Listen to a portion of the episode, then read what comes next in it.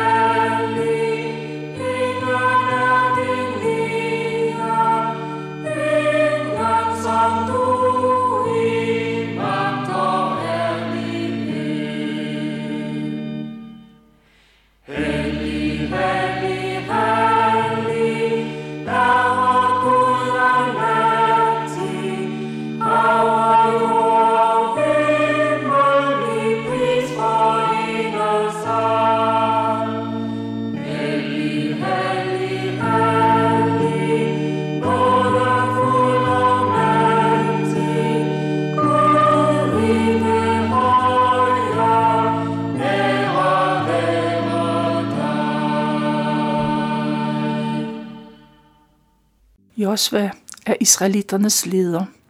Indtil for nylig var det Moses, der var lederen.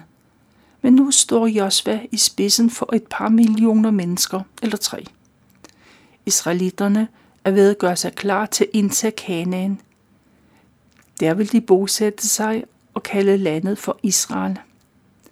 Israelitterne går til Jordanfloden for at øh, de går ned til Jordanfloden, for de skal over floden for at komme ind i Kanaan. Og da de begynder at gå ud i vandet, så deler vandet sig. På den ene side står vandet som en mur, på den anden side så løber det ud i det døde hav. Alle, der kommer tørst gået gennem den brede og dybe jordflod, øh, Jordanflod. Alle kommer igennem. Det er anden gang israelitterne er gået tørskoet gennem vandmasser. Det gjorde de også 40 år tidligere. Dengang rakte Moses sin hånd ud, og det røde hav delte sig. Israel, dengang kom israelitterne over, men Ægyptens her druknede. Dengang var der stor glæde, og, og det var en stor dag for israelitterne. Og den dag, at de går gennem Jordanfloden, er det en lige så stor dag. De er endelig kommet ind i det land, Gud mange gange har lovet dem. De er kommet ind i det forjættede land, det land, der flyder med mælk og honning. Det er en dag, man glæder sig over, selvom man ved, at der venter store og svære øh, øh, opgaver. Det er også en stor dag for den nyudnævnte leder Josva. Fordi alle er kommet tørskoet gennem Jordan, så er man klar over, at Gud er med Josva på samme måde, som han var med Moses. Fra den dag, så viser folk Josva samme respekt og velvilje, som man tidligere viste Moses. Nu har Josva ikke længere Gud med sig, men også folket. Og Josva takker Gud for det. Rygterne løber hurtigt. Løber igennem hele Kanaan. Snart ved alle folkeslag, at Gud har ladet Jordanfloden udtørre, og israelitterne er kommet over på deres side af floden. Indtil nu kan kananæerne måske have tænkt og håbe på, at israelitterne kun kom i små grupper af gangen, og dem kunne man jo nemt vinde over. Men nu bliver de lokale stammer bange og mister modet. De er så bange for Israels folk, at ingen tør angribe dem. Derfor får de lov til at være i fred. Israelitterne bliver i lejren et stykke tid – de er ikke parate til at gå videre, for der er noget, der skal bringes i orden.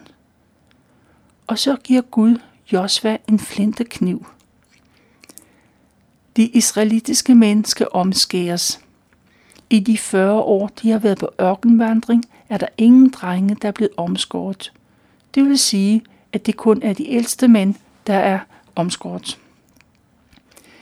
Man lader sig omskære, for det er et ydre tegn på, at de, Gud, at de tror på Gud og på hans løfter. På omskæringsdagen, så lover Gud, at han vil være med israelitterne, og israelitterne lover, at de vil tro på Gud og overholde hans bud. Kort tid efter omskærelsen, så er det påske. Mens man spiser påskemåltidet, så mindes man, at Gud udfriede israelitterne fra slaveriet i Ægypten. Nogen kan oven i købet huske, hvad der skete, for de var børn, da de voldsomme begivenheder fandt sted. Dagen efter påskemåltidet, så spiser israelitterne for første gang af landets afgrøder. De får ristet korn og usyret brød. Lige indtil nu har de spist den manna, Gud har givet dem hver eneste dag i de sidste 40 år. Men nu er det slut. Der kommer ikke mere manna fra himlen. Fra nu af kan de spise det, der vokser på jorden. Josva, han er feltherre, og Dagene efter påsken, så begynder han at overveje, hvordan han kan indtage Jericho. Han går rundt om byen for at finde ud af, hvordan han skal sætte ind. Men det bliver ikke nogen let opgave, for folk i Jericho er bange for israelitterne, og de holder sig inden for bymuren. De har sikret sig på alle mulige måder. Selv byporten er lukket, også om dagen. På sin vej rundt om muren, så får Josva øje på en mand med et svær i hånden. Josva går hen til ham og spørger, om han er ven eller fjende. Og så, og så bliver Josva klar over, at han står foran en Guds engel, og Josva falder til jorden og begynder at tilbe ham. Og englen siger, at han skal tage sine sko af, for han står på hellig grund. Og englen fortæller Josva, hvordan han kan vende sig, eller hvad der kan vente i de kommende dage. Tilbage i lejren, så kalder Josva præsterne og folkets ledere sammen, og Josva forklarer dem, hvad de skal gøre. På den måde er alle forberedte på, hvad der så skal ske. Tidligt næste morgen er man klar til at følge Guds plan. Derfor stiller hele den israelske hær sig op. Over en halv million mænd står klar med deres våben. Bag dem står der syv præster med et horn i hånden. Så står der syv andre præster med pagtens ark. Bag præsterne, bagerst, så samler folk sig. Kvinder og børn og gamle mænd følger trop. I alt er der nok 2,5-3 millioner mennesker. Det svarer til halvdelen af Danmarks befolkning. De går lydløst rundt om Jericho. Alle er musestille. Det eneste man hører er de syv præster, der blæser i deres horn. Man går rundt om Jericho en gang, og så går man tilbage til lejren. Det samme gentager sig dagen efter og dagen efter igen. Hver morgen i seks dage går de rundt om byen. Og man kan kun gisne om, hvordan folk inde i Jericho, hvordan de har det. Den syvende dag samles man igen ved daggry, ganske som man plejer. Men denne dag er noget særligt, og Josva har forberedt folk på, hvad der skal ske, og hvordan de skal forholde sig. Den dag går israelitterne igen rundt om byen. Men de går ikke hjem. De fortsætter og går en gang mere rundt. I alt går de syv gange rundt om Jericho, og alle er bumstille. Kun lyden af præsternes horn høres. Da de går den sidste omgang, så blæser præsterne højt og langtrukket i hornene, og Josva giver tegn, og folk de begynder at råbe et krigshyl. Larmen runger op af bymuren, og bymuren styrter sammen. De tykke mure falder fra hinanden, som om der havde været et kraftigt jordskælv. Men jorden er stille, og muren falder. Nu er vejen banet, og alle kan uhindret gå ind i Jericho. Og soldaterne går ind i byen og ødelægger alt, hvad de kommer i nærheden af. Den normale praksis er, det er at tage krigsbytte, men det må man ikke gøre den dag. Derfor hugger de alt ned. Alle indbyggere må dø sammen med deres husdyr. Bagefter så sætter man ild til husene og brænder det hele af. Men før man begynder på drabene og afbrændingen, så er der to ting, der skal ordnes. Soldaterne samler det guld og sølv sammen, der er inde i byen, og man tager de redskaber, der er lavet af jern og bronze. Soldaterne bærer det hen til præsterne, som vil opbevare det i Guds skatkammer. Det andet er, at en af familierne skal reddes ud af Jericho for israelitterne havde på et tidspunkt sendt to spioner ind i Jericho. I Jericho fik spionerne hjælp af luderen Rahab. Hun gav dem oplysninger om byen, og hun reddede deres liv. Og som tak for hjælpen lovede spionerne, at de vil redde hende og hendes familie. Og så går de to spioner hen til Rahabs hus og redder hende og hendes familie ud af byen. De kommer i sikkerhed og, bo, og bosætter sig i nærheden af israeliternes lejr.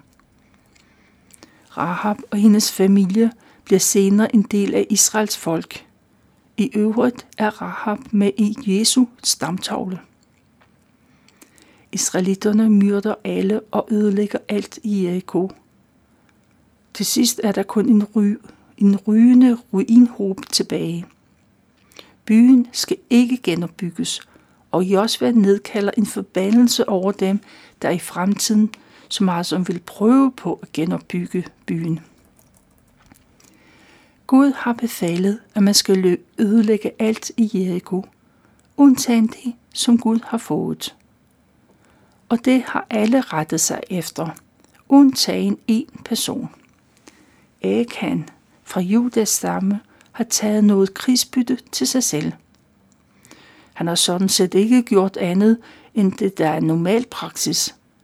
Men Gud har jo utryggeligt sagt, at man intet må tage til sig selv.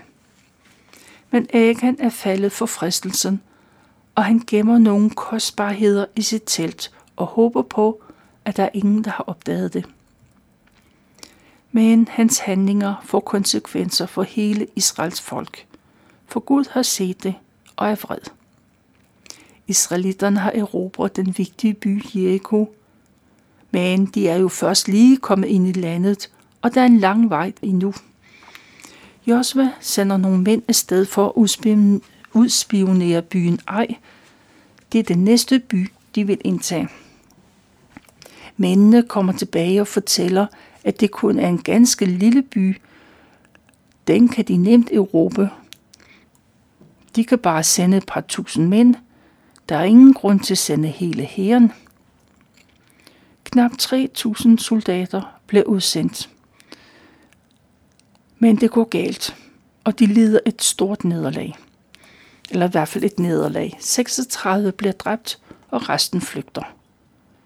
Og det gør ondt. Israelitterne bliver bange, og de mister modet og troen på deres eksistensberettigelse. Josva og landets ledere river deres tøj i stykker i bare fortvivlelse, og de går til helligdommen og kaster sig ned på jorden foran pagtens ark. Der bliver det liggende, indtil det bliver aften. Så råber Josva til Gud om hvorfor øh, de har lidt det nederlag.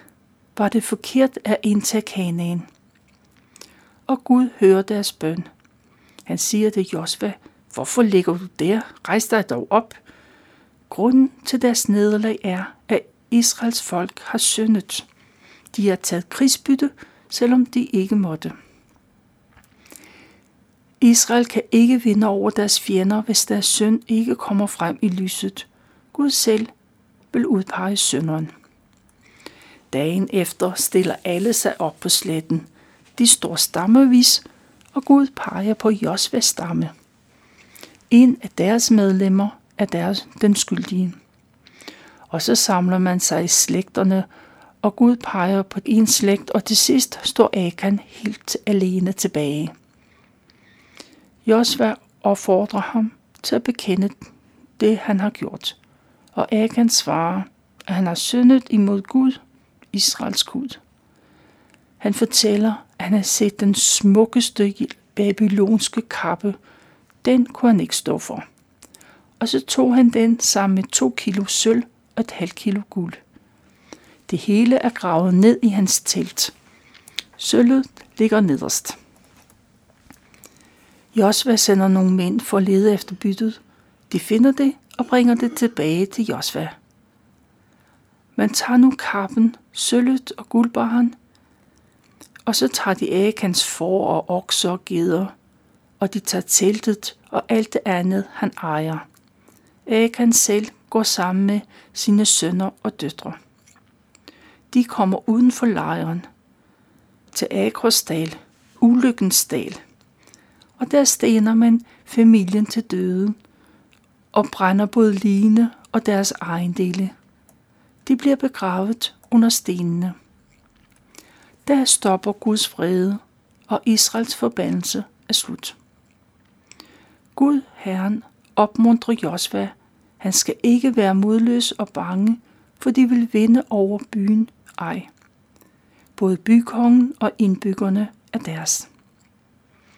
Josva vil endnu en gang gå imod ej, men denne gang så samler han hele Israels hær. Og så udtager han 30.000 af de bedste soldater. De skal bevæge sig uset om på den anden side af byen, og de skal gøre sig klar til et baghåndsangreb. Josva selv går i spidsen for hovedstyrken, og de går den samme vej, som man sidst gjorde. I byen Ej opdager man, at Josva og hans hær er på vej. Ej er klar til kamp, og de går imod israelitterne, ganske som de gjorde sidst. Og snart er Israels hær igen på flugt. Hele Ejs hær forfølger dem ud i ørkenen. De har travlt, og de er så sikre på deres sejr. Derfor efterlader de byen ubeskyttet. Selv byportene står vidt åben. Josva giver tegn til de mænd, der har gemt sig. Og så går de ind i den forsvarsløse by og brænder den ned. Og da Ejs soldater vender sig om, så ser de, at deres by står i flammer. Og så opdager de, at de også har store problemer selv. For Josas her, de har vendt om, og de angriber fjenden forfra. Bagfra kommer dem, der lå i baghold. Ejs soldater er klar over, at de er gået en fælde, og at de intet kan stille op. Og de indstiller sig på, at de bliver dræbt. Kongen er den eneste, man ikke dræber. Man fører ham til Josva. Men heller ikke Ejs konge bliver skånet. Han bliver dræbt og hængt op i en pæl til skræk og advarsel for alle. Men ved solnedgang, så tager Josva lige ned, om han begraver den under nogle sten uden for byporten. Hver eneste af Ejs indbyggere er dræbt, og byen er en ruinhåb. Der er israeliternes opgave udført. Det eneste, der er tilbage, er det krigsbytte, man har taget og alt kvæget. Denne gang har man fået lov til at redde alle værdigenstande. Efter sejren vender man tilbage til lejren. Der samler israelitterne sig, og Josva bygger et alter. Præsterne offrer til Gud. Deres tak går først og fremmest til Gud, Herren. Og så skriver Josva de ti bud på en stentavle. Det er de bud, de skal følge, også når de bosætter sig i det nye land. Josva deler israelitterne op i to grupper. De skal stå på hver deres side op ad bjergsiderne. Op ad skråningerne står der mænd og kvinder, der står børn og unge, der er hyrde og husmødre. De står side om side med dommere og ledere. I dalen, midt mellem de to bjergsider, står præsterne. Og så råber de deres velsignelse ud, så alle kan høre det. Og så læser Josva op af lovbogen, den som Gud gav Moses. Alle hører Guds bud, så ingen er i tvivl om, hvordan de skal forholde sig i fremtiden. Alle ved, hvad der er rigtigt og forkert i de forskellige situationer. Der blev talt til mændene og talt til kvinderne og til børnene og de fremmede. Der blev talt til dommerne, til lederne og til administrative personale. Alle ved, hvad deres ret og hvad deres pligt er. Man ved, hvad man kan forvente af andre og hvad man selv skal gøre. Israeliternes love er unikke. De er helt anderledes end alle andre folks love og regler. Gud skaber en helt ny måde at være sammen på. Det er, hvad jeg har valgt at fortælle fra fra Josvas bog, kapitel 3 til 8. Jericho, Jericho, Jericho, yeah, Jericho, Jericho,